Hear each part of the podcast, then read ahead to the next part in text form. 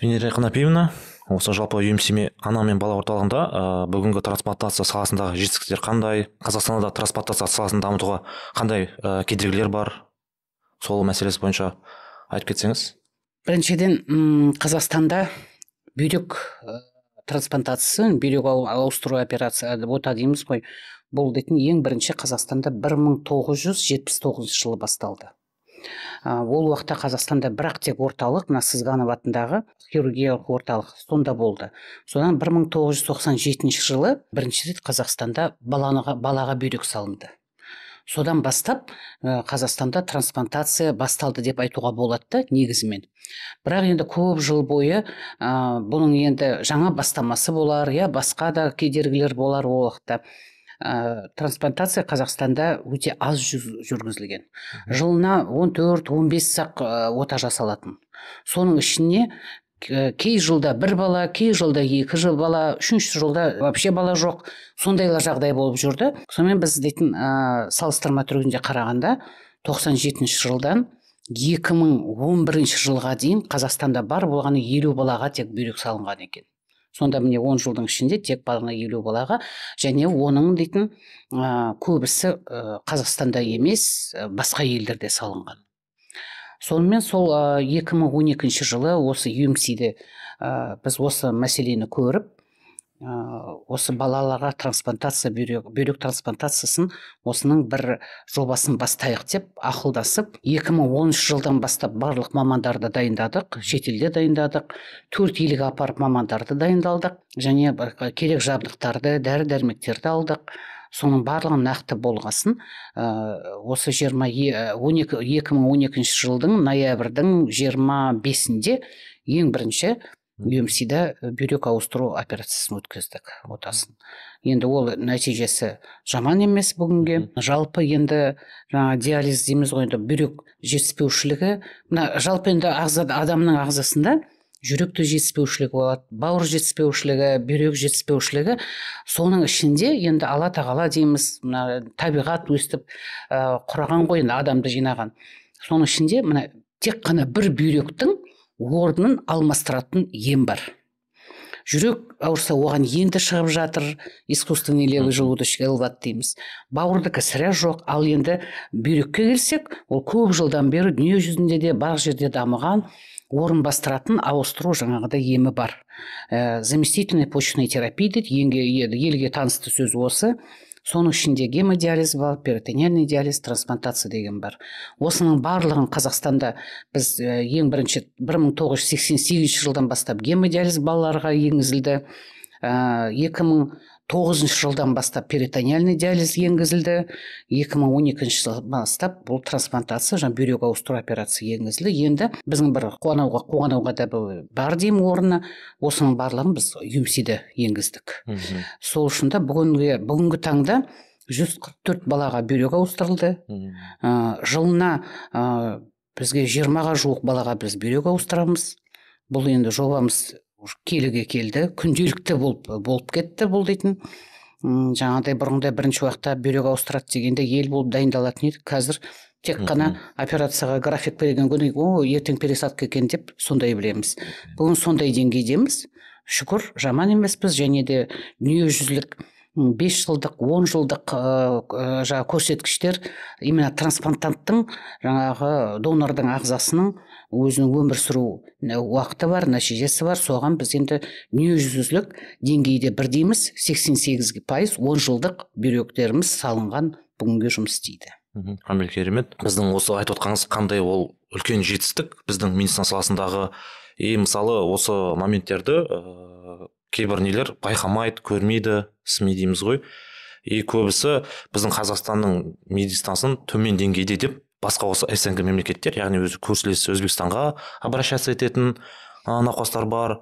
Жалпы осы жайлы айтып бере аласыз ба біздің қазақстанның медицинасымен? Осы снг именно осы салада жалпы медицина қатты дискредитирован еді иә. Екі мың он жетіде бір просто трупный донорство трансплантация енді дамып темпін алып келе жатқан кезде ыыы инцидент болды екі мың он жетіде. Ақтөбе қаласында. Ақтөбе қаласында астанада болды. Содан кейін журналистердің енді қатты черный пиар дейміз ба? Қатты қазақстан медицинасы қатты дискредитациялап жіберді содан кейін қазақстанның отандық медицина деген халықта сенім азайып кетті. Көзқарасы төмендеп енді бұған жеке менің көзқарасым 2012 жылы бізбен қатар ә, қазақстанда ең бірінші міне республикалық координациялау координациялау орталығы ашылды. Ә, басқа елдерде болды. Қазақстанда ондай координациялық орталық болған жоқ. 2012 жылы бізде көп ә, жаңағыдай жетістіктер 2012 жылы басталды. Ол енді киелі жыл деп санаймыз өзімізге. 2012-де біз бірінші балаға бүйрек ауыстырдық. Ә, қазақстанда ең бірінші рет ә, ересек адамға жүрек ауыстырылды. Және де жаңағыдай ә, трансплантацияны координациялау орталығы ашылды. Сол жылдан бастап 2012 жылдан бастап қазақстанда трансплантация деген біздің технология жоғары деңгейге жететін жағдайға жетті. Ол уақытта біз де сөйтіп ойладық басындаған басқан бастағанымда. Мен өзім енді жаңағы балаларға трансплантация диализбенен тоқсаныншы жылдан бері өзім жұмысым осы негізі келе жатқан. Бірақ ә, көбісі ойлайды әлгідей ойлайтындар бар. Мен өзім де бұрын солай ойлағанмын. Ең бірінші заң керек норматив керек деп. Сонымен сол нормативті жасауға заң жағын жасауға сөйтіп соған көп уақыт бөлдік. Және жаңағыдай керек жабдықтарға оборудование дейміз аппарат дейміз басқа жаңағыдай керек болады. А негізі трансплантацияның ең қиын жағы этика деген. Мхм. Этика и трансплантология деген ол үлкен тақырып. Ол тақырыптың мен, мен кеше ғана бір не мақала оқығанмын. Ол тақырыптың әлі дұрыс шешімі әлі жеткен жоқ. Өйткені бізде қазақстанда жоғары деңгейде ота жасайтын мамандар бар. Мхм. Бүгін бүйрек те ауыстырамыз бауыр да ауыстырамыз жүрек те ауыстырамыз өкпе де ауыстырамыз. Барлығын да ауыстыруға мүмкіншілік бар. Бірақ та заң да бар заңнамалар да бар барлығы шыққан. Ал енді мына именно мына этикалық жағы дұрыс қарастырмаған. Этикалық жағын өте ә, білесіз қалай трансплантация деген ә, бір покровский дегеннің бір уақытта бір ә, кітабында жазылған ол покровскийдің осы трансплантация бұл дейін совет одағында ең бастағы кісі ғой сол кісі жазған трансплантация деген дәрігерге өте қауіпті жоғары жаңағыда жауапты мәселе. Ал дәрі, ә, науқасқа бұл е, бір түйір шанс жаңа өмір сүруге деген. Сонда қараңыз оған тек бір шанс өмір сүруге а дәрігер қандай өзіне жауапкершілік алады? Ә, сол үшін де этикалық жағы дейтін өте жоғары деңгейде болу керек. Ол этика жағын барлығы да бар оны біз емес дәрігер емес басқа емес оны мына үкімет жеткізу керек. Үкімет мына бұқаралық ақпарат желі сол арқылы жеткізу керек. Солар халыққа жеткізу. Халық дейтін бізді дәрігерлерді көбісіне жаңағыдай сіз айтқаныңыз дұрыс. Қазіргі уақытта дәрігерлерді ә, енді білмеймін ол қандай әрекеттің ә, жаңа нәтижесі екен бүгінге халық дәрігер, дәрігерлерге сенімсіз қарайды. Мхм. Дәрігерлерге бұрын дәрігерлер дейді ете ең жоғары сыйлы адамдар болса қазір қазақстанда олай деп айта алмаймын қазір екінің бірі айтқысы келгенін айтады. Иә. Істегісі келгенін айтады. Қанша дәрігер соққыға жағып жатыр көріп жатырсыңдар. Ә, айына бір жерде бір бір өңірде дәрігерді соғып тастады деген әңгіме бар. Басқасы бар. Және де жаңағыдай күнде үстіне мына арыз жабықтырады да жатады. Сонда дәрігер біз жұмыс істемейміз а солған біз ақталумен жүреміз да уақытымыз ал соңғы уақытта біз ақталуға жүргенде дәрігерлердің емде кім емдейді дәрігер сол науқастарды.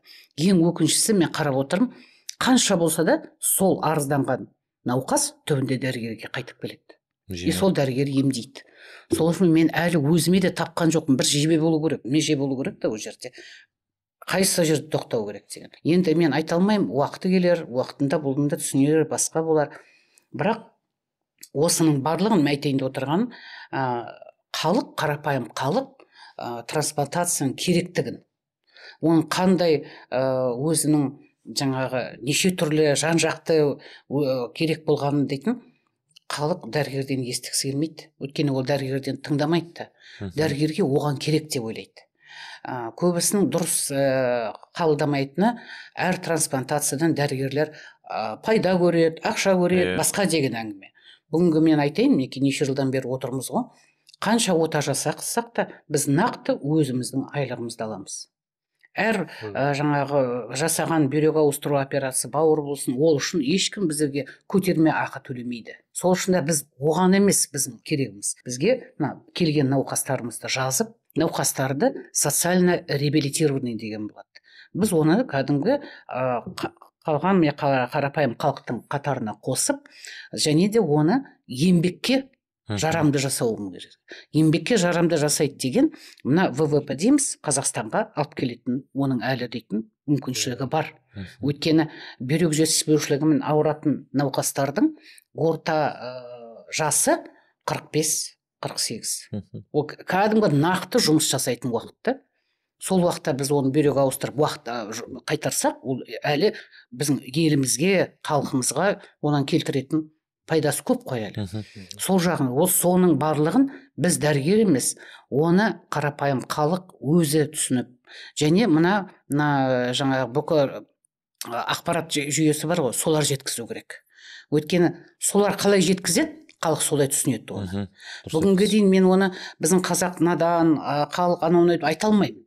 Қазір барлық деңгейде міне көп елде барып жүрміз ғой бірдейміз. Оның ешқандай айырмашылығымыз жоқ. Тек қана халықтың көзқарасын өзгерту керек. Мына көзқарасын өзгертсек бүгінгі мына жаңағы координациялық орталық деймін ғой сол жерде төрт мыңға жуық науқастар күту парағы деген бар. Бүгінге сегіз мыңнан аса науқастар гемодиализ қабылдауда қазақстан бойынша. Бүгінгіде жүз отыздан астам диализ орталығы бар. Ол диализ орталығының 95 пайызы жекеменшік ал ол енді жекеге беріп қойды деген әңгіме емес. Өйткені бір диализге диализді сақтау үшін үкімет жылына 40 миллиардтан ақша астам ақша сауады сол науқастарды диализі ем, қамтамасыз үшін емімен.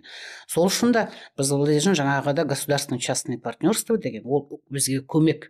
Осының арқасында бізде қазақстанда бір науқас жоқ диализді күтіп жүрген. Сонымен солар бар. Сол соның ішінде қазір сегіз мыңнан астам науқас бар. Соның төрт мыңы жаңағы күту парағында тұр. Сол күту парақтағы науқастарға біздің міндетіміз бүйрек ауыстыруға. Ал оны егер тек қана туысқаны берсе бүгін дейтін бізде сексен пайызы туысқандық бүйрек. Егер оны туысқан беретін болса санап көріңіз жиырма миллион халықпыз. Жылына екі жүз адам бүйрек беретін болса неше жылдан кейін қазақстанның халқы бір бүйрекпен қалады. Ол сондай да статистика потенциальный риск конечно да да. А ол бір бүйрекпен қалады деген ол инвалид емес. Ол дұрыс түсінбейді бүгінге. Донорлар ол инвалид болып саналмайды. Олар тек қана группа рискқа группа рискқа кіреді. Ол бір бүйрекпен қалады сол үшін да оған басқа қадағалап мүшел қарап тұру керек оны дейтін сол үшін да бүгін біз мына мәйіттік донорлықты көбейтуіміз керек. Мәйіттік донорды көбейту ол тек қана біздің халықтың көзқарасын өзгерту керек. А халықтың көзқарасын ол не үшін қажет бізге? Олар мына күнде енді ол ешкімге емес жасырын ақпарат емес күнде бір жерде біреу науқас қайтыс болады. Неше түрлі жағдайларда. Енді солардың ішінде өзінің көрсеткіштері бар қандай қайтыс болған науқастың ағзаларын пересадкаға алуға болатын. Соларға бүгін туысқандары рұқсатын берсе бір адамнан тек қана қазақстанда біз бес ағзасын ала аламыз. Бес адам ары қарай өмір сүруге мүмкіншілігі пайда болады бір күннің ішінде. Ал шетелде ол сегізге дейін барады органдардың саны. Сол үшін де бүгін халық келісім берсе бізде именно мына жаңағы мәйіттік донордың трансплантациясы көбейеді. Ол көбейгенде жаңа сіз айтқандай 2017-те жаңағыдай болды ғой. Сонда мына черный трансплантология дейді жаңағы подвалда пересадка жасайды. Халықта не жоқ? Әңгіме көп қой дейді. Ешкімнің аузына қақпақ бола алмайсың. Ол айта береді. Сонда ол ә, сондай деген әңгіме ана донорды сатып алды мына донорды сатты деген әңгімелер егер мәйіттік донордан пересадка көп болса сол әңгімелер басылады. Өйткені тірі донордан пайдаланбайды. Бәрі аман қалады. Сол үшін де бүгін ең басты мәселе мәйіттік донорлық. Бізде жобаны соны ары қарай ұзартып кеңірек сол тарау керек. Ол енді мына смиден жаңа сіз айтқаныңыз дұрыс. 2016 жылы қазақстанда ең жоғары деңгейдегі пик дейміз пересадка болды трансплантация. Соның ішінде ә, сол сол жылы жасалған оталардың ішінде трансплантация. Именно балаларға мәйттен алған донор көп болды. Қазақстанда ә, ересектен гөрі балаларға біздің саны көбірейді көбейді. Бұл міне бүгінге дейін неше жылдан бері бір ақ ретте көрсеткіш болды. Содан кейін жаңағыдай бір емес екі қиын жағдайлар болды. Трансплантологтарды жауапкершілікке шақырды. Өйтіп бұзды деп бір екі трансплантологымыз және дейтін біреуі өте жоғары деңгейдегі осы жерде қазақстанда трансплантацияның басында тұрған жігіт ә, соны басқа екіншісі. Одан кейін ең бірінші ақтөбеде жаңағыдай рұқсатсыз пересадкаға органын алды донор деп бір айқай шу шықты. А егер қарасақ ол уақытта бізде жаңағы енді ең базы ата заңымыз кодекс конституция болса бізде приказдар бар. Ә, министерствоның. Соның ішінде рұқсат сұрамауға деген болады деген сондай приказ соған қарамастан біз сұраймыз рұқсатты. Әліге дейін сұраймыз. Сол осы екі жағдай бізде қазақстанда күрт қазақстанда пересадканың трансплантацияның санын азайтып жіберді тек қана мәйттен емес и тірі донордан да саны азайды.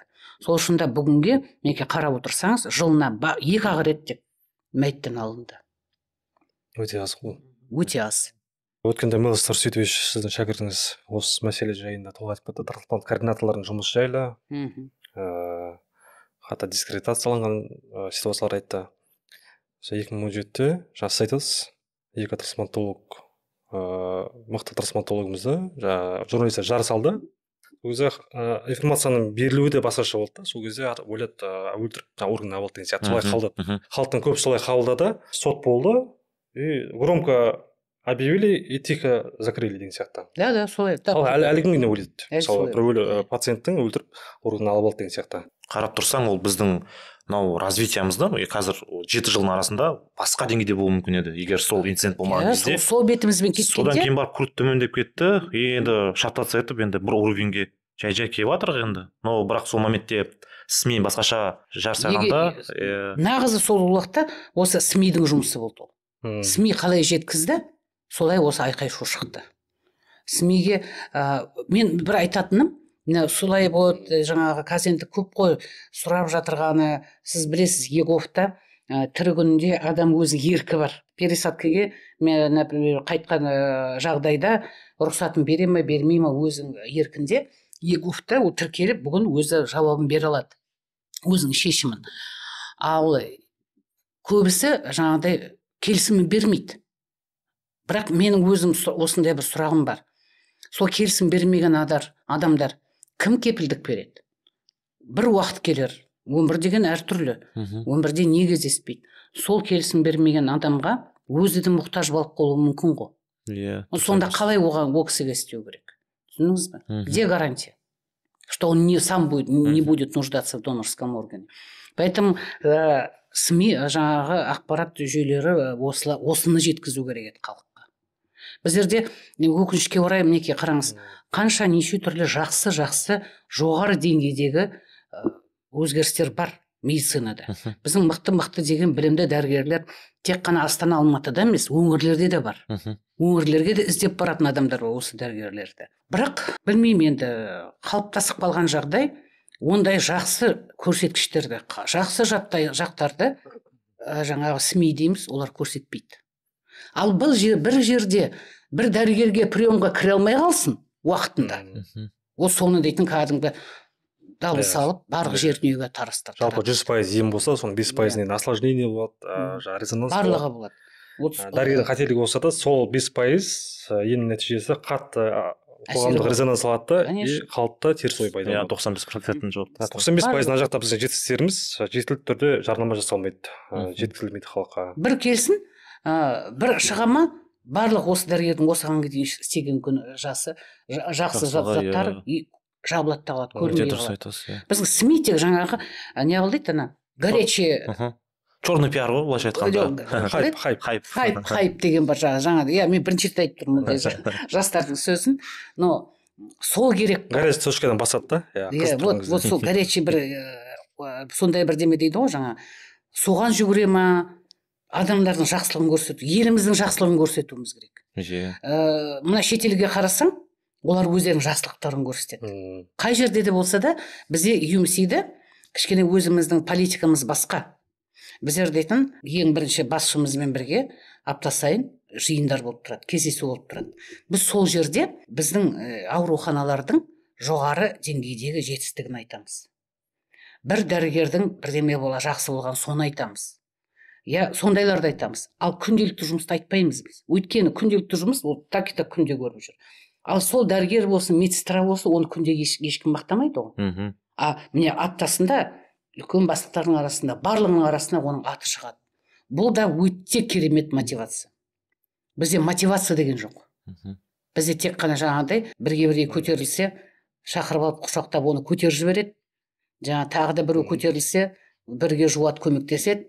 Ал бізде бір жаманын көре ма айда соны тек түтіп жібереміз тартады деңіз аяғынан төмен қарай. Өзгереді бір уақытта өзгереді. Қазір халық өзгерді ол да өзгертеді иә мемлекетке көп мемлекеттің қолдауына өте көп ыыы байланысты барлық нәрсе иә.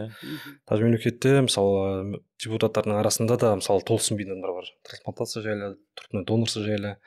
Өткенде ашық алаң болды нұршешев қатысты. Сол кезде мәжіліс депутаты бір қатысты. Сол кезде оның тақырыбы ыыы донорды жаңағы сатып сатып сата алмау донорды донорлықты енгізу керек деп жар салып жатыр түбінде ол білмейді ол не екенін.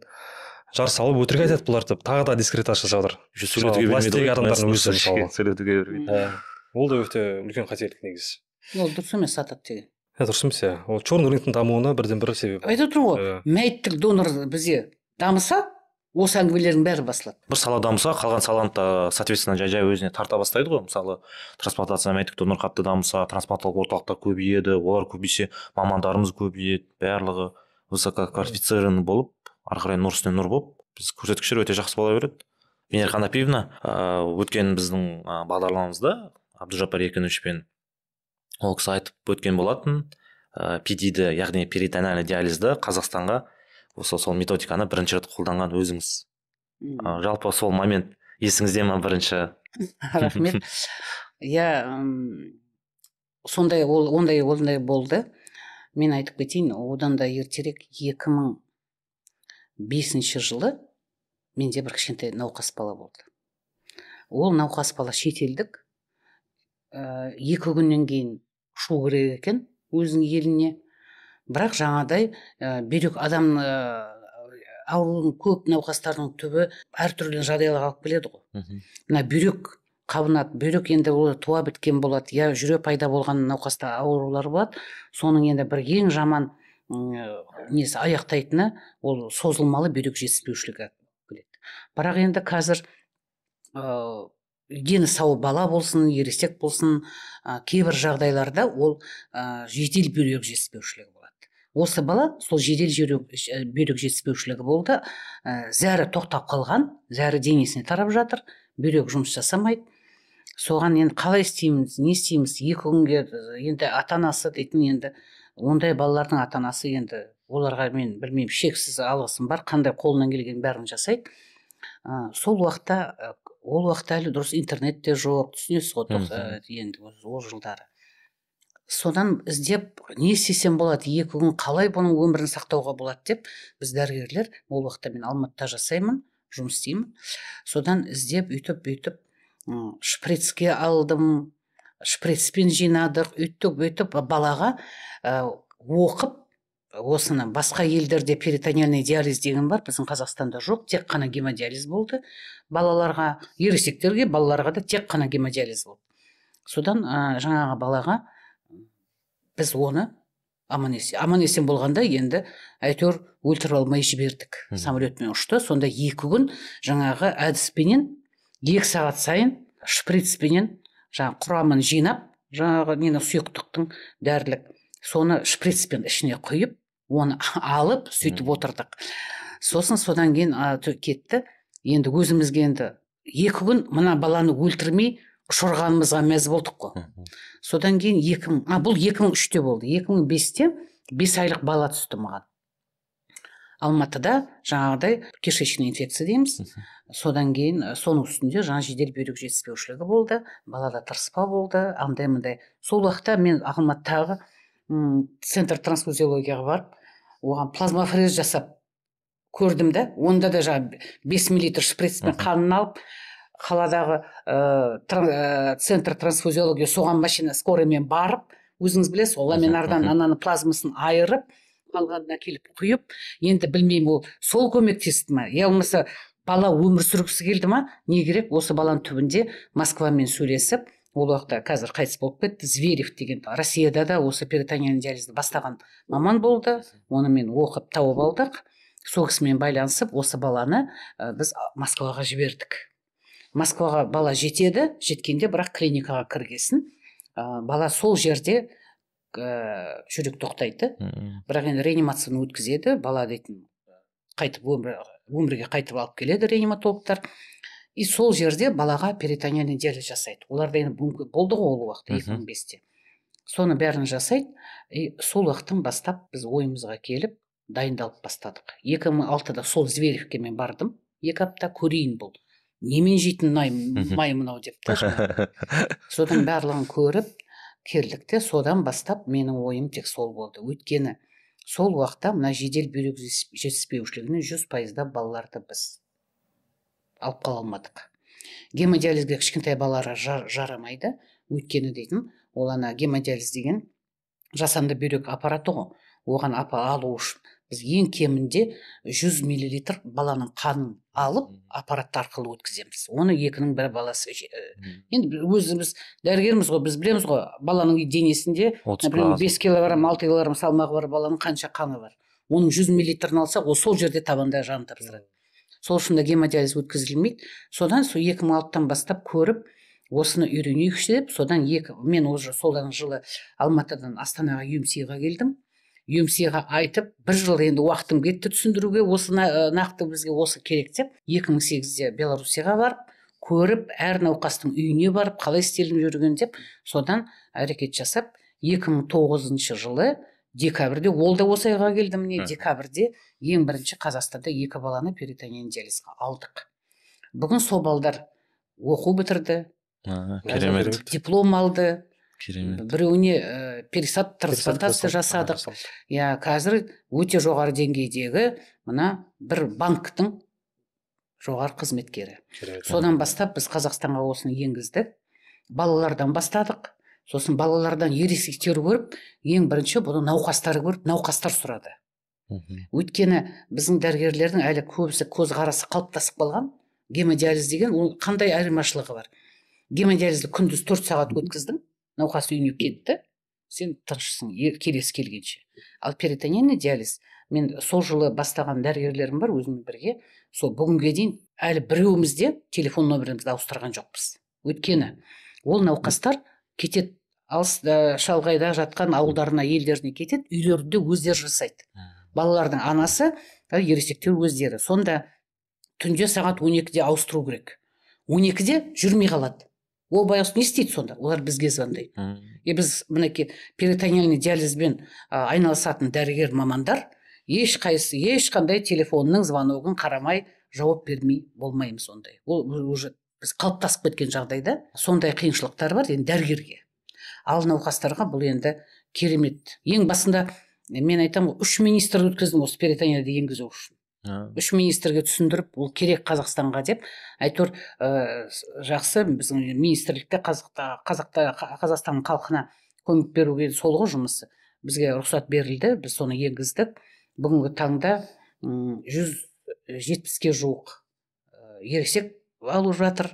Жүзден аса бала жаңа созылмалы бүйрек жетіспеушілігімен олар үйлерінде үкіметке бұл қандай көмегі бар? Бұл ненің әдістің балалар науқастар ә, больницада жатпайды. То есть больницаға нагрузка азаяды. Екіншіден гемодиализ деген қандай айтамыз? Мінекей жаңа айттым ғой жасанды бүйрек деген науқас сол аппаратқа өзі келеді. Ал перитониальный деген осы диализ науқастың үйіне барады. Сол үшін де көрдіңіз айырмашылығын ол үйінде тұрады мектепте оқиды балалар. Өмір сапасы жақсартады конечно өте өмір сапасы өте жоғары болады ол балалар науқастардың. Сол үшін бүгін мінекей уже үш жүзге жақындап қалды бірақ ол өте аз көрсеткіш. Үлкендерде санасы екі иә пайыз. санасы. А, саны деген өйткені міне ә, ресейде үш мыңға жуық науқас бар. Бұл ең бірінші кедергі. Тарификациясы мына перитониальный диализдің тарифі деген бар. Әрқайсысының мынаның да құны бар. Бұның да құны бар. Өйткені қазір деңгейде а қазіргі уақытта әр мына медициналық орталық өздері ақша табады ғой. Мхм. Ешкім ол үкіметтің бюджеттің ақшасын бірақ оны науқастарға алуымыз керек. А, бүгінгі тариф дейтін сәйкес келмейді. Бүгін мына рыночный цена дейміз. Ә, өйткені мына россиядағы украинадағы жағдайға байланысты қазір көп фармкомпаниялардың логистикалары А, қиналып кетті қи- алыстап қиындап кетті. кетті. Алыстап кетті. Сол үшін да ә, осы растворлар дейтін өте алыста например мына перитониальный диализдің растворы жаңағы сұйықтық дәрілері пакеттегі ирландиядан келеді. И қазір енді бұрынғы ә, россия арқылы жүрсе қазір енді басқа жолмен через турция келе ма? Конечно через турция. Қазір барлығы через турция келеді. Сол үшін да оның бағасы өте жоғары болып кетті де. Бірақ біздің тарифіміз осыдан бес алты жыл бұрынғы сонымен әлі тұр. Ол енді тарифі аз деп дәрігерлер мұны ал- алмайды науқастар. Ал ә, жаңағы науқастың саны тариф жоқ деп көтерілмейміз а тарифті неге көтере алмаймыз? Науқас аз дейміз. Түсіндіңіз ба сонда бұл дейтін жаңағы күніте круг дейді ғой. Парадоксально. Иә вот сонымен қалай шешімі жоқ әлі таба алмай жатырмыз. Перитониальный диализдің тарифі ол қарастыру керек. Бірақ енді бүгінгі заңда бүгінгі уақытта бұл біздің науқастар перитониальный диализ алатын науқастар ә, үлкен ересектер. Балалар сірә оқып жүр жаңа айттым ғой. Мынау үлкен ересектер жұмыс жасап жүр. Бала балаларын өсіріп жатыр оларды үйлендіріп жатыр. Демалуға шетелге де бара алады. Гемодиализдің науқастар бара алмайды. Және де жаңағыдай ә, бұл ә, бұл әдістің ішінде гемодиализдің бір өкінішке орай ә, жаңағы гемоглобин төмендеп кетеді. Өйткені қаны қан жоғалтады. қан жоғалтады. Екіншіден мына гепатит дейміз вирусный гепатиттер. Оның әлі қалай жұғатынын ешкім таба дүниежүзі тапқан жоқ. Ол ол жерден жұқпайды бірақ енді ол ассоциированный болады да. Ал перитониальный диализде осылар болмайды көрсеткіштер. Өйткені біз қанға тимейді ешкім. Және дейтін өзінің жаңағы отаның уақыты үйреніп кеткен операцияның уақыты где то жиырма жиырма бес минут болады. Оны дейтін біз ә, қазір өңірде біреу таба ә, науқас болса звондайды әкеле алмаймыз онда телефонменен хирургқа айтып тұрамыз. Ол біздің айтқанымызбенен жаңа катетерді іш қуысына салады и ары қарай перитониальный диализ кете береді. Ал енді созыл ә, жаңағы жедел түрдегі созылмалы а жедел түрдегі бүйрек жетіспеушілігімен ауырған балалардың жүз пайызы бүгін аман есен қалып жатыр. Осы перитониальный диализдің арқасында. Бұрын оларды біз ал- алып қала алмайтын едік. Перитониальный диализ бүгін осы бірақ енді сол тариф керек соған қарау керек бұл енді және де перитониальный диализдің бір жақсысы бұл трансплантацияға баратын науқастар сохранность дейміз Ә, выживаемость почки. Выживаемость почечного трансплантата выше. да жоғары.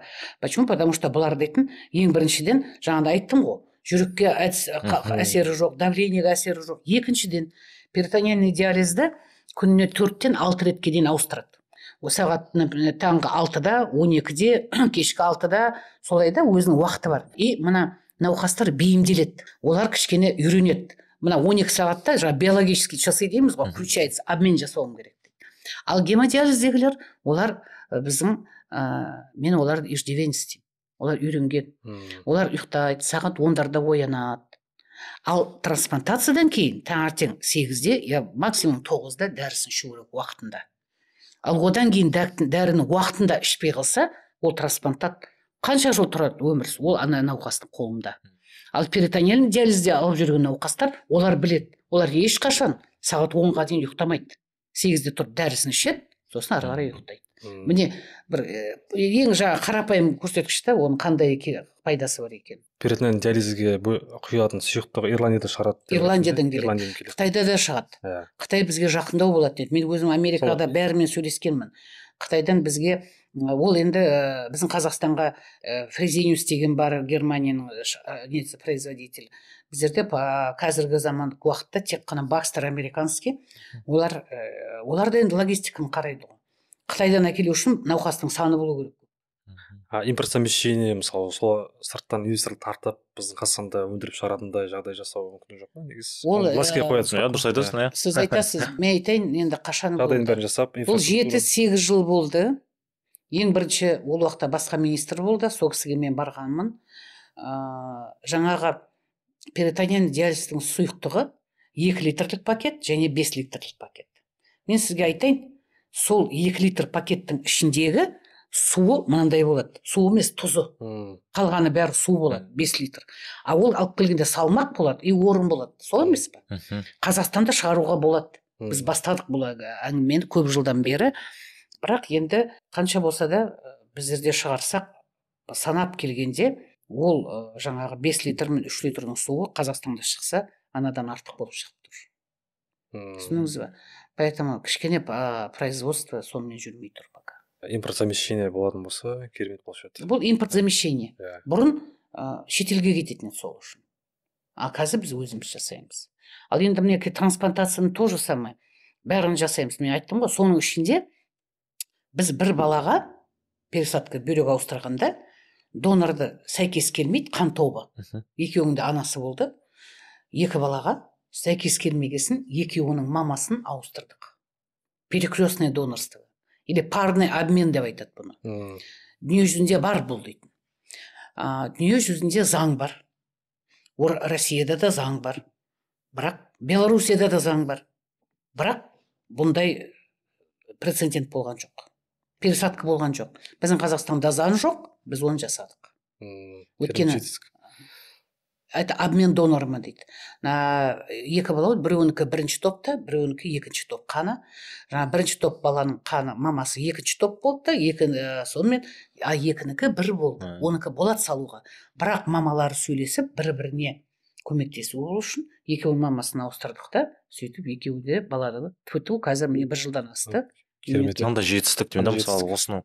Оны иә мен бірінші рет естіп тұрмын мен сізден. Оны мысалы өзім дәрігер жүрсем де мысалы жансақтау бөлімінде жұмыс істесем де бірінші рет естідім бұл нәрсені. Жоқ ересектерде әлі болған жоқ. Ну балаларда перекрестный болған жоқ бірақ сай келмейтін топта иә ол, ол болды. Бұл бұны сөйтіп да біз кетті. 2016 жылы ең бірінші мен өзім дәрігермен бірге ә, хиросима университетіне барып ол жерде дейтін ә, жа- қан тобы сәйкес келмейтін ә, перес- трансплантациялар бар. Соларға үйре осы әдістемені үйреніп келдік деп. Бірақ енді бір кейбір жағдайлармен пока балаларға өте қиын жағдай өйткені дейтін ә, ондай дайындықтан кейін науқас инфекцияға шалдығатыны өте жоғары Мм. деді жаңағы пайызда. Ал ересектерде біздерде жасады. Мінекей мына онкология орталығында мэлс нушуетич деген сол жігіттер дайындалып сіздің шәкіртіңіз. Өзіңіз оқытып шығардыңыз. рахмет. сол, сол, солар соны енгізіп нәтижесі өте керемет. Ә, ең бірінші осы орталықта бауыр ауыстырды. Осыдан екі үш жыл бұрын қазір бүйрек ауыстырды. Біз енді балаларға да дайындалып жатырмыз. Кішкене бар жан жақты. Біз енді кішкене ересектерге қарағанда балаларға ә, қалай айтады өте жег жегімен қараймыз. Иә, щепетильно совсем щепетильныймыз ювелирный жұмыс қой. Соны дейтін барлық жақты қарауымыз керек. Мына инфекция одан қалай шығарамыз? Мынаны қалай болады? Олай болмай ма бола ма? Мына перекрестное донорство. И жаңағы қан тобы сәйкес келмейтін ол.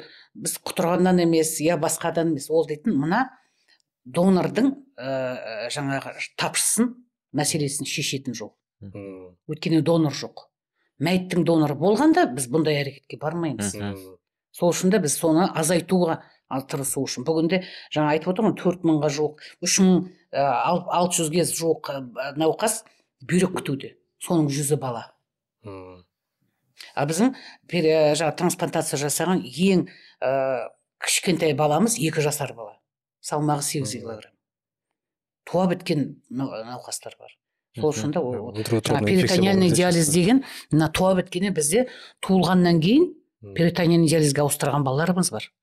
Туа туылғанда созылмалы бүйрек жүйе жетіспеушілігімен туылады. Сол үшін де вот ә, кейде мына ә, жаңағы күн күні жетпей туылған балдар бар. Менің бір ә, практикамда болған. Консультацияға шақырды бір ә, неге пц ға барғам жаңағы не, перинатальный центрге.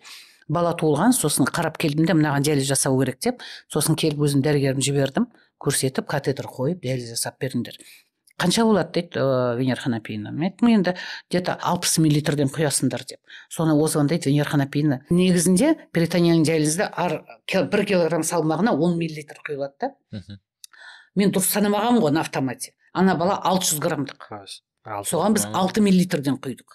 Алып шықтық сол баланы. Түсінесіз ба перитониальный диализ деген ол не? Это революция. Бұл былай қарап отырсаң революция. Айттым ғой. Мен ә, сол уақытта министр болып доскалиев тұрды жақсылық хақмырзаевич сол кісіге барып енді бәрін коллегияда бәрін айтып айтып жатырмын ғой мынандай керек сол. Сонда сол кісінің айтқан сөзі бар маған. Хорошо венера ханапеевна вы обещаете что э, летальность при острой почечной недостаточности будет на нуле. Разрешаем вам деді вот бүгін біз енді соған жеттік. Қазір міне жаңа туылған бала болсын жетпей туылған болсын жаңағы күрделі түрдегі жаңағы жетіспей жедел түрдегі жетіспеушілігі балалардың бәрін алып қалып жатырмыз аман есен керемет. Иә осы мәселеде осындай жақсы әңгімелердің арасында мен өзім енді ыыы ол процедура қайда жасалады? В основном реанимация бөлімшесінде яғни кішкентай балаларда мен өзім инфекционный стационар жұмыс жасаймын. Ыыы тұрар рысқұлов он екідегі. Көпбейінді балалар ауруханасы номер үште. Бізде яғни ә, синдром ә, гассера басқаша гемолитика синдром бізде кишечникпен яғни көп ауыратын балдар бар и оларда осы, осы жаңа айтпақшы жіті бүйрек жетіспеушілігі дамиды. И осының аясында ә, бізде қазір особо ондай проблема жоқ. Енді өзіңіздің шәкіртіңіз самат ерғалиевич осы кезде мен айтып кетпесем болмайды ол кісі туралы. Ол кісінің осы салада да тоже өте орасан еңбегі зор. Қашан қарасаң ол кісі сағат екі болсын түнгі үш болсын қарамайды звондаймыз келеді сол кісімен қазір совместно мен оған мен оған ат қойдым бессмертный пони дейді бессмертный пони. Мә сол кісіге алғысым шексіз ол мен өзім қараңыз міне жаңа біз басында бастап кетті ғой дәрігерді қалай біз көтеруіміз керек бар. Бұл жігіт ең басында простой хирург. Детский да детский хирург. Түн покойда жүрді.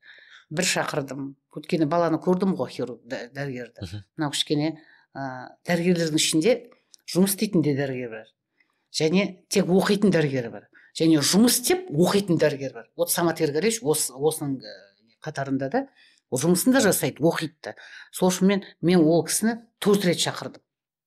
Диализге келді ақырында бесінде ұялған болар келді негізі үшіншісіне келу керек еді. Иә сонымен қазір міне өте жоғары деңгейдегі осы осы саланың маманы. Иә просто ыыы мен енді бок о бок жұмыс істеп жүрміз ғой кісімен иә қанша баланы көмектесіп шығарып сіздің нелеріңізге больницаңызға ауыстырып сондай балдарды кішкентай бүлдіршіндерімізді. И сол бір нем сол өте тоже мықты маман самат уақытында енді жаңа айтып жүрмін мына трансплантация енгіздіңіз перитонит бірақ мен қарап отырдым да уже бірталай уақыт болды ә, енді кішкене бұдан кішкене алыстап кеттім. Алыстағанда енді бұл ә, дәрігерлер менімен бірге істеген жас мамандар. Өте жоғары деңгейде алып кетті осының барлығын. Мен соны көргесін соларға жол бердім. Өйткені мен өзім атымменен оның бәрін баса берсем ол ештеңе болмайды. Ә, бүгінгіде осы ол бар басқалар дәрігерлер бар ә, бірге істеген осының бәрін үйретіп бәрін бастаған дәрігерлер. Қазір мен солардан кеңес сұраймын. Қандай иә? Ұстаздан шәкірт озбаса деген иә? Ол үлкен жетістік енді септический балдар ғой в основном бізде ше? Жаңағы густан бөлек. И мысалы ол кісіге айтамын да звондаймын да енді. Сразу айтамын да мына жақта үш тоникпен жатыр бала. Кей кезде екі тоникпен.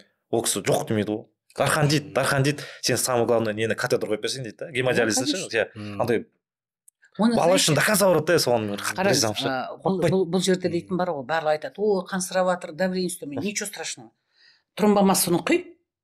Сзп құй біткен на последней капле катетер қоямыз и все қансыраса любой багаз актоплексің бар басқасы бар тоқтатуға болады. Ал ештеңе істемесең қазір кетеді. исход басқаша бәрі бірақ поэтому ондайлар олар көп қой енді істейтін. Ә, науқастардың өмірін сақтап жатқан ә, соңғы уақыттағы жаңа әдістемелер қандай? Ә, жалпы гдппен байланысты. Қазір бізде медицина жоғары деңгейге келе жатыр ғой. Например кардиохирургияны алсақ біздің кардиохирургия юмсидің кардиохирургия орталығына шетелдерден үйренуге үйренуге келеді. Шетелдің мамандары бізге үйренуге келіп жатыр. Сол үшін қарағанда қазір медицинаның деңгейі жоғарыда. Қазір шетелге ә, көбісі үйренеді ғой. Барып жаңағы өткен халыққа жетпегені біздің жақсы әдістер жақсы нелер халыққа жетпегендіктен олар дейтін жаңа шетелге кетіп қалады. Мен кішкене бір минут уақыт мен осыдан екі жыл бұрын ә, турцияға мемориал клиникаға бардым. Көруге олар шақырды бізбен бірге жаңағы ынтымақтастық жасап бірге жұмыс жасайық деп мен барып қарадым. Сосын енді обедте ішіп отырсақ артымнан ә, қазақша сөйлеген адамдардың дауысын естідім. Қарасам ә, бір ә, жаңағы отбасы отыр жолдасы әкесі шешесі екі баласы бар екен. Енді бірінің баласына қарағанда дәрігермін ғой бірден анықтадым бала кішкене нелеу науқасы бар екен деп. Сосын сұрадым сендер не істеп жүрсіңдер? Анау мынау деп жаңағы дейді? Мрт ға түсіруге келдік. Қалай мрт ға түсуге келдік? Қандай мрт ға үш теслаға дейді. Сол уақытта жаңағы турцияның координаторлары жүгіріп келді. Енді мен олардың пациенті ғой бұлар енді ақылы келген. Сосын ә, мен айтамын просто мен оны отговаривать етіп жатқан жоқпын тырымды а неге сендер ол бізге три тесла мрт керек болды. Ал мрт три тесла тек қана біздің юмсиде екеуі бар. Түсіндіңіз? Былтыр енгізілген жоқ иә па? Иә иә соны білмейді да басқа жерлерде де бар. Соны бұлар білмеген. Соны ә, бізде ә, айтайын дегенім бізде қазақстанда бар зат бар дүние мына халықтың қал- құлағына жетпейді. Мм. сосын білмеген соң сонда кетеді. Мен оған айтқан жоқпын. Бізге келіңдер анау енді адамның өзінің таңы- еркін. таңдағаны ғой енді ол. Бірақ мен сол есімде қалған значит ол жетпейді адамдарға. Түсіндіңіз Мына бір уақытта менде бір науқасым болды диализдегі. Бірақ енді ол он жетідегі бала болды он сегізге жақындап қалған. Ата анасы ой алып кетеміз деп ә, сонша айтып түсіндірдім. Кореяға алып кетті. Кореядан келді дым бітірген жоқ. А жоқ қытайға алып кетті. Қай диагнозбен қытайға. А? Қандай диагнозбен хпн а хпн иә. Диализдегі бала ғой. Жоқ бізде бірдеме істейміз деп алып кетті. Алып кетті де сол жаққа апарып көріп келді қайтып келді. Где бір он шақты күннен кейін ба білмеймін бір ай ма есімде жоқ сонда ана қыз баланың науқастың айтқан әңгімесі маған. Айттым мен дейді. Қарайған миллионың шашып шашып қайтып келдік осыған дейді. Аналар айтты дейді. Біз тап солар не істеп жатыр? Соны да біз жасаймыз деп айтты Мгм. түсіндіңіз бе? Әлі біздің халыққа сол түсіну керек білу керек. Біз оны тегін жасаймыз. Бала үй ішінде біздің үкіметтің политикасы. Қазақстанның халқы тегін медицина көмек алуға деген. Сол үшін де біз қазақта халыққа жеткізу керек соны. Басқа Иә. шетел клиникалары коммерциялық мақсатта соны айтайын дегенім да жаңа ғана қазір енді мына жоғары деңгейлі медицина келгесін неше түрлі әдістемелер бар. Ә, науқастар науқастың саны көбейді. Менің өзім ойымша ол дейтін ә, медицина жаман болды я науқастар қаралмайды деген әңгіме емес наоборот. Медицина деңгейі көтеріліп ертерек диагностика пайда болды. Мм. бұрын диагностика жоқ бір өлгенде бір біледі. Болды. Ал қазір ертерек уже да науқасты жаңа анықтап оның науқасын емделеді. Сол үшін де нау- адамдардың науқас адамдардың саны көбейеді. Енді жаңа басқа әдістемелер болғасын ә, енді көп жағдайлар болғасын және қазір енді мына ковид дейміз коронавирус та өзінің ізін қалдырды қалдырмады деп айта алмаймыз. Сол үшін де қазір мына қалай айтады көп ағзалары ауыр ауыр науқастардың бір критический состояние дейміз.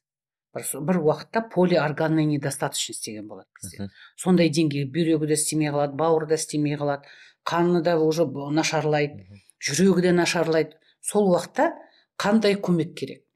Ә, бұрын біз тек қана бүйрек жетіспеушілігі болса диализ жасайтын едік. Ал басқа деңгейде біз ештеңе істей алмайтын едік. Қазір соңғы мінекей уже бес жыл нақты уже ол енгізілді. Оған дейін жайлап ақырындап бастады. Гемодиафильтрация дейміз или продолженные методы детоксикации деген бар. Ол созылмалы түрде жаңа детоксикацияны жүргізу. Енді оны кішкене дәрігерлеріміз де әлі кішкене дұрыс бір жақты қабылдайды да ол диализ емес. Ол диализ деген жаңа бүйрек істемеу диализ деген переводында өзі екіге бөлем деген. Ол тек қана бүйректе қанның ішіндегі жаңағы ә, уремический дейміз ә, соны дейтін жаңағы иә кешіресіз қазақта бар ғой жаңағы не дейді ә, қатты сөздері бар. Ол сол сияқты мочевина жаңағы зәрі қанға кетеді. Сол зәрді бөлеміз біз. Диализ деген. Ал мынау басқа. Бұны ә, со, жаңағы созылмалы түрдегі әдістеме қазір бұны гдф дейміз продолженный метод дейміз. Өте қазір ә, көп пайдаланады. Мгм. ол тек қана мына реанимация отделенияларда Өзіміз болады қазір иә тек қана реанимация. білесіз бізде бір науқас болды. Ең бірінші енді біз енді көп болғасын біз кішкене жағдай мүмкіншілік болғасын бастай береміз. Біз енді өйткені не дегенбіз BUMC көбісіне россия емес біз мына европа америкада оқимыз. Сол жақта көріп келіп мына жаққа біз өзімізге енгізіп жатқан ә, көп нелер бар да дүниелер. Соның бірі осы болды. И ертеде осыдан қайда уже не сразу же бір бес алты жыл бұрын ә, бір бала болды кәдімгі септический сіз білесіз ғой енді ә, црб дейміз жүз елуден кетті. Жаңа баланы уже комаға кетіп бара жатыр е жаңағыны естіп соның колонкасын тауып түнде соны қостық қой ана балаға. И ертеңнен бала көзін ашып не керек түбінде біз баланы үйіне шығардық. Жазылып бала шықты. Содан кейін біз осындай әдісті енгіздік барлық жерге де. И қазір енді ересектерде бар акушерский бар. Бұл бір реанимация без ГДФ не должны быть. Мгм. Любая клиника, которая имеет в своем составе э, отделение реанимации, через которое проходят пациенты с полиорганной недостаточностью, должны иметь минимум один аппарат для продолженных методов. өте дұрыс айтасыз Мгм. Өте- өйткені ол дейтін онсыз да шығаратын басқа әдістемелер бар шығар Мгм. бірақ онда науқас сенде екі ай жатады ал иә мынаны пайдалансаңыз екі үш күнде екі үш күнде шығады өте дұрыс айтасыз толықтай Ә, келісемін қазір көп мына біздің дәрілердің де әлсіреген түрі бар шығар. Өйткені қазір біз қара миллиондаған тұратын антибиотик пайдаланамыз. Мгм. е қалыптасады ғой дейді. Қазір білесіз ғой енді. Микробный пейзаж деген қазір антибиотикқа устойчивый деген микроб көбейіп кетті. Соларды тек қана осы гдф арқылы біз істей аламыз. Иә, осы ситуацияда жаңа сіз айтып отырсыңыз ғой не то что там ә, опп кезінде қолданады гемодиализ. Ә, біз ә, өзімнің практикамды айтайын. Бізде менингококцемия мен Мгм. фридрихсен отерхаузен деген прям грозный. Сол состояниедан баланы біз осы именно ә, призмафлекс деген аппарат соның ә, арқасында вот жаңағы самадиғаштың қатысуымен тоже и сол жерде сорбент қолдану арқылы септический сорбент яғни липополисахаридтерді ұстап қалатын. Сол арқылы баланы үш күнде аяғына тұрғыздық. Ол бала сол әулеттегі жалғыз қалған бала екен. Ну вот көрдіңіз қане мамасы уже елуден асқан кісі уже ана бала сол әулеттегі жалғыз ер, ер адам. Уже ә, бір ә, яғни тоник кетті ғой но- норадреналин қосылды ол оны күшейтпеген екен уже басқа добутамин солай басқа да тониктер қосылып қосылып и соның салдарынан ана аппаратты қосқан едік азанда уже тониктің бәрін алып тастадық. Ә, екі күннен кейін аппараттан шығарып бала тірі қалды. Мысалы жаңа бұл өте керемет әдістеме. И қазір бізде сондай қалыптасты. Уже мысалы мен осы біздің бөлімшеде уже соңғы үш айдың ішінде біз бір он шақты баламен займасып еттік осындай немен.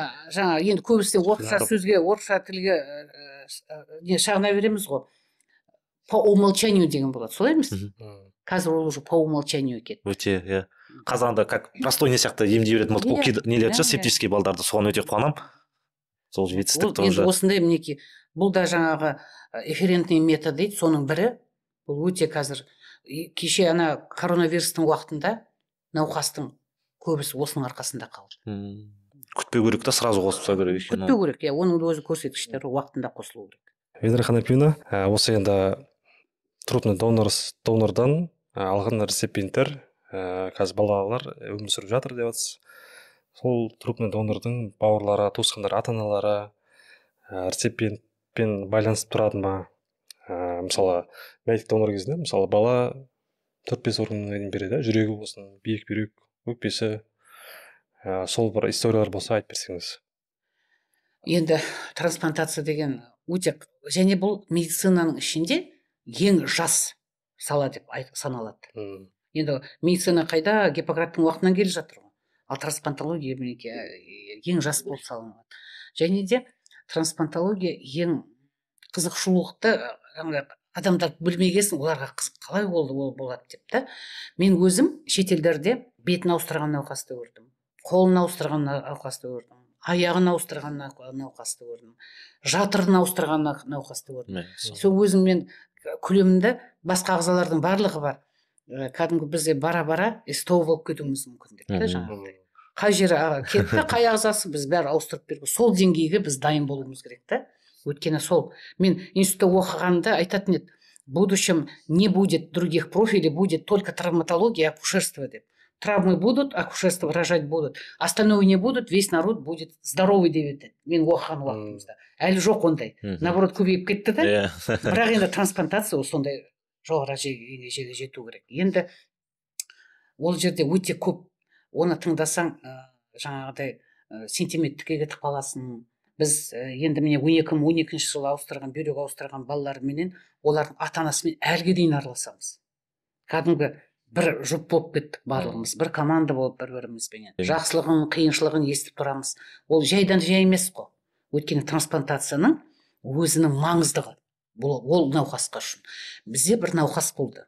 Бүйрек ауыстыру керек болды. Және сол науқасқа өзінің әкесі мен донор боламын деді. Сосын ә, әкесін жан жақты біз зерттедік. Жаңа айтып отырмын ғой біз дейтін кішкене педиатрияда жік жікті қараймыз щепетильный деген бір нефросцинтиграфиядан өткізіп сонда ғана білдік папасының бір бүйрегінің жаңағы функциясы елу ақ пайыз екен. Ә, трансплантацияның заңы науқасқа біз а, донорға жақсы ә, бүйрегін қалдырамыз. Ал сәл ақау берсе оны науқасқа аламыз. Бірақ бұл елу пайыз деген науқасқа қажеті жоқ. Сонда әкесі мен ә, анасының айтқан сөзі. Әкесі айтады менен сау бүйрегімді алыңыз деді. Мен өмірімді сүрдім ғой балам өмір сүрсін дейді. Оған мен қарадым да действительно жылағым келді сол сол кезде. Жоқ біз ала алмаймыз. Өйткені ол бала ә, вообще негізі, негізі қай, қай бала болса да ол бүйрек ауыстырғанмен қай науқас болса да бүйрек ауыстырғаннан кейін сауығып кетті. Жүз пайызға ауру кетті деп айтуға болмайды. Оның негізгі өзінің науқасы қалады. Тек бүйрегі жаңадан болады. Бірақ ол бүйректі сақтау керек өмір бойы. Ол өмір бойы дәрі ішіп келеді. Ол дәрінің жақсы жағы да бар ә, теріс әсері де бар. Сол теріс әсерін уақытында көріп уақытында біз соны коррекция жасап тұруымыз керек. Сонда ә, мен турцияда тоже көрдім. 30 жыл бұрын бүйрек салған бір бүйрекпен 30 жыл жүрген науқасты көрдім. Мен қазір барлық науқастарға келген айтам сенің ден уақытың 30 жыл. Осы бүйрекпен 30 жыл жүруің керек. Вот 30 жыл жүрсе онда ол біз енді әлемге тараймыз сонда. Сол үшін да ә, сол ә, жаңағы көп жыл тұра алмайды деп жан папасына айттық. Сонда әкесі мен анасы айтты. Жақсы онда мынау енді ана пересадкадан кейін ол балаларды бұлар өсіру керек көтеру керек анасы ата анасы сау болу керек. Сол үшін айттық ала алмаймыз сізден сау бүйректі. Ертең өзің диализге кетесің. Сонда қалай сізді бағады? Сонда мамасы мен папасы айтты. Онда мен мына ә, ә, сау емес бүйрегімді алыңызшы. Бір жыл болса да балам диализсіз жүрсін деді ғой сонда көрдіңіз ба қандай әрекеттерге барады ата аналар балалар үшін? Ә, бірақ біз олай істей алмаймыз. Оны біз ә, отказ бердік жаңағы жерде. Енді басқа бір ә, жағдай болды. Папасы жиырма беске енді толады. Бүйрек беремін деді. Тағы да бір емшекте баласы бар екен жаңағы. Ала алған жоқпыз сен жассың әлі. Сен ала алмаймыз. Сен ертең мына балаларыңды өсіруің керек өмір бойы көтеруің керек. Ал қазір бірдеңе болып қалады. Қалай боласың деп отказ бергенде папасы бүйтеді. Алмайсыз ба? Онда мен ақша жинаймын да шетелге барамын. Шетел қарамайды ондайға деді. Мен балама беруім керек деп. Вот осындай жағдайлар қандай шешім алу келуіміз керекпіз өте осындай қиын жағдайлар бар. Бірақ енді бұның жақсы да жағдайлары бар жақсы жақтары да бар. Біз ә, бүйрек бүйрек жүрек жаңа айтқан бәрін ауыстырады ғой. Біз соны аңғардық. Біздің ә, науқастар сол қайтыс мәйітті қайтыс болған мәйіттің ағзаларын алған науқастар бір бірімен қарама қатынасы бар бүгін. Олар дос бір донордан олар бір бірімен дос болып жүреді. Ал енді тағы бір жағы біз енді заң бойынша берген адамның аты жөнін ештеңе айтпамыз тек қана айтамыз. Я әйел адам я ер адам. Осындай жастағы. Неден қайтыс болды дейді айтамыз неден қайтыс болған болды. Басқа енді ол енді это этикаға жатпайды айтпаймыз ондайды бірақ ә, мен айтатыным бізде балалардың ата анасы ә, донор болған мәйіттің туысқандарымен көп кездескісі келмейді. Енді оны да түсінуге болады. Бірақ енді бізде бар ә, бір ә, донордан алып бүйрек салғанбыз. Сол кісінің екі қызы келіп мамамның бүйрегін алған баланы көрейік деп едік деп бір емес екі рет келіп сыртынан қарап кетеді. Ол екі рет келіп қарап кетті сонда видимо ана мамасын сағынған мауқын баса ма сондай болуы мүмкін деп сөйтіп ойлаймыз да. Сол үшін да сондайлар бар. Бірақ енді мына жүрек ауыстырған ең бірінші жүректі алған ә, мамасының рұқсаты берген балаларменен біз жәдібек деген бүйрек ә, жүрек салған жігіт бүгінге дейін араласады. Сол донордың баласы мен қызыменен ол кәдімгі жақын қазір бір туысқандай болып кетті олар. Ондайлар бар. Енді ә, біздерде өкінішке орай кейбір ә, отбасыларында екі емес үш балаға дейін науқас ондайлар да болады. Ә, бізде сондай бір екі отбасымыз бар. Ішінде екі балаға бүйрек ауыстырып бердік. Біреуіне ата әкесі болды біреуіне мәйіттік донор болды. Енді екеуін де ала алмаймыз ғой. Сол үшін да сөйтіп ең бірінші бізге келіп мен балама донор болам деген адамға мен әліге дейін ең бірінші сөзім мен рахмет айтамын сізге рахмет балама донор болам деген. Ол оңай емес. Дені сау кәдімгі аттай шауып жүрген адам мен отаға жатам мен бүйрегімді берем деген. Ол өте батыл шешімдік болды шешесі болсын әкесі болсын кім болса да. Сол үшін де бұл дейтін өте героизм деп осыны санаймын мен. Және осылар артынан балаларын өсіру керек. Сол үшін де опять жаңағы нәтижеміз егер мәйттік донор болса әкесі де анасы да аман қалады. И осыны өсіріп өніп оның бәрін қызығын көреді. Өйткені ол науқас бала бір уақытта қайтадан басқа қайтадан ота жасауға қажет болады. душар болады оған. Сол уақытта егер мәйт болмаса сол уақытта ата анасы беруіне болады. Осы біздің қазақстан медицинасының шыңында жүрген адамдардың бірісіз ғой. Енді осы артымызда келіп жатқан студенттер бар басқа да дәрігерлер бар бізді көретін медицина саласына түскісі келетін адамдар бар. Соларға өзіңіз бір ақыл кеңестеріңізді айтсаңыз қандай бағытта болу керек? Ә, мысалы тіл мәселесі ағылшын біліп ә, осы соларға қысқаша осылай өзіңіздің ойыңызды айтып кетсеңіз. рахмет. Иә медицинаға түседі көбісі қабылдайды барады. Оқыңдар келіңдер. Өйткені халықты біз емдеуіміз керек. Ә, барлық ем жоғары деңгейге жетуіміз керек шетелден қалмауымыз керек. Ал медицина тілі ағылшын тілі. Бүгінде мен ә, қасымдағы жігіттерге жаңағы дәрігерлерге айтамын кітап оқымаңдар кітапты кітаптың авторы бес жыл жазады. Одан кейін он бес жыл шығады. Сонда сен сол шыққан кітапты бүгін оқысаң жиырма жылға артқын оқисың. Бүгінге көп сайттар бар. To date болсын басқа болсын. Бүгінгі жағдайды бүгін жазады. Бірақ оны оқу үшін ағылшын тілін керек. Сол үшін де ә, бізге ә, дәрігер мамандар көп керек. Оларды тіл білу керек. Тіл білген маман далада қалмайды. Егер ең тегі жаңағы алда жүрген әдістемелердің бәрін үйреніп әкелсе ол халқына еліне беделді адам болып санаймын. Сосын екіншіден дәрігер болғасын жеңіл жақты іздемеу керек. Мен жеңіл тек рентгенолог болсам рентгенолог та керек зат керек дәрігер бізде. А ә, а егер қиын саланы таңдаса қиын саланы біріншіден ол ең білікті маман болып саналады. Солай емес па хирург болсын реаниматолог болсын сондай жерлерде ол ең білікті маман болып саналады. Екіншіден ол дейтін өзінің уақытын реттеп үйренеді. Мен ойлаймын да жаңағыдай сондай тайм код дейді ғой. Конечно сондай болу керек.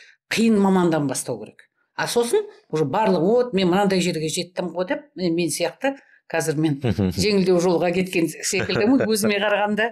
Сол ұқсап жақсы маман болу керек ең бастысы. Маманның мен өзім олай осылай ойлаймын. Сен жақсы маман болып қалай саналасың бір науқас сені сен қарадың ғой науқасты. Ем бердің кеңесіңді бердің. Сол науқас саған қайтып келе берсе значит сен жақсы мамансың. Ол саған сенді. И барып ол айтады мен осындай маманда болдым. Мен сол кісі жақсы біледі екен маған жақсы емдеді дұрыс айтты деп ол сенен кетпейді дәрігерден және қасына еще тағы да барлық айналасын алып келеді. Сондай маман болу керек жоғары деңгей. Бір науқас келген сенен басқа науқас басқа дәрігерді іздемеу керек. Керемет өте керемет. Рахмет көп көп сұхбат ертеңгі жолыңыз болсын. Жапонияға иә иә ертең сәттілік. Сол мына трансплантациядан кейінгі ранний диагностика деген соны мен бір научный проект жеңіп алғанбыз. Сол проект бойынша енді соны жайлап алып келсек қазақстанға бұрын ол қазақстанда емес мына ә, совет одағында жоқ снг да жоқ көп елдерде ол жоқ. Соны алып келсек мына трансплантациядан кейінгі уақыт бізде де қиын ғой енді оны уақытында көру керек айтып отырмын ғой. Қадағалап отыру. Сол уақытта ертерек көретін жаңа тесттерді анализ соны үйренуге бара жатырмыз. Жолыңыз болсын иә. рахмет. Өркендей берсін біздің медицинамыз. Рахмет коронный сөзің? Наука это круто иә наука это наука это круто да. без науки нельзя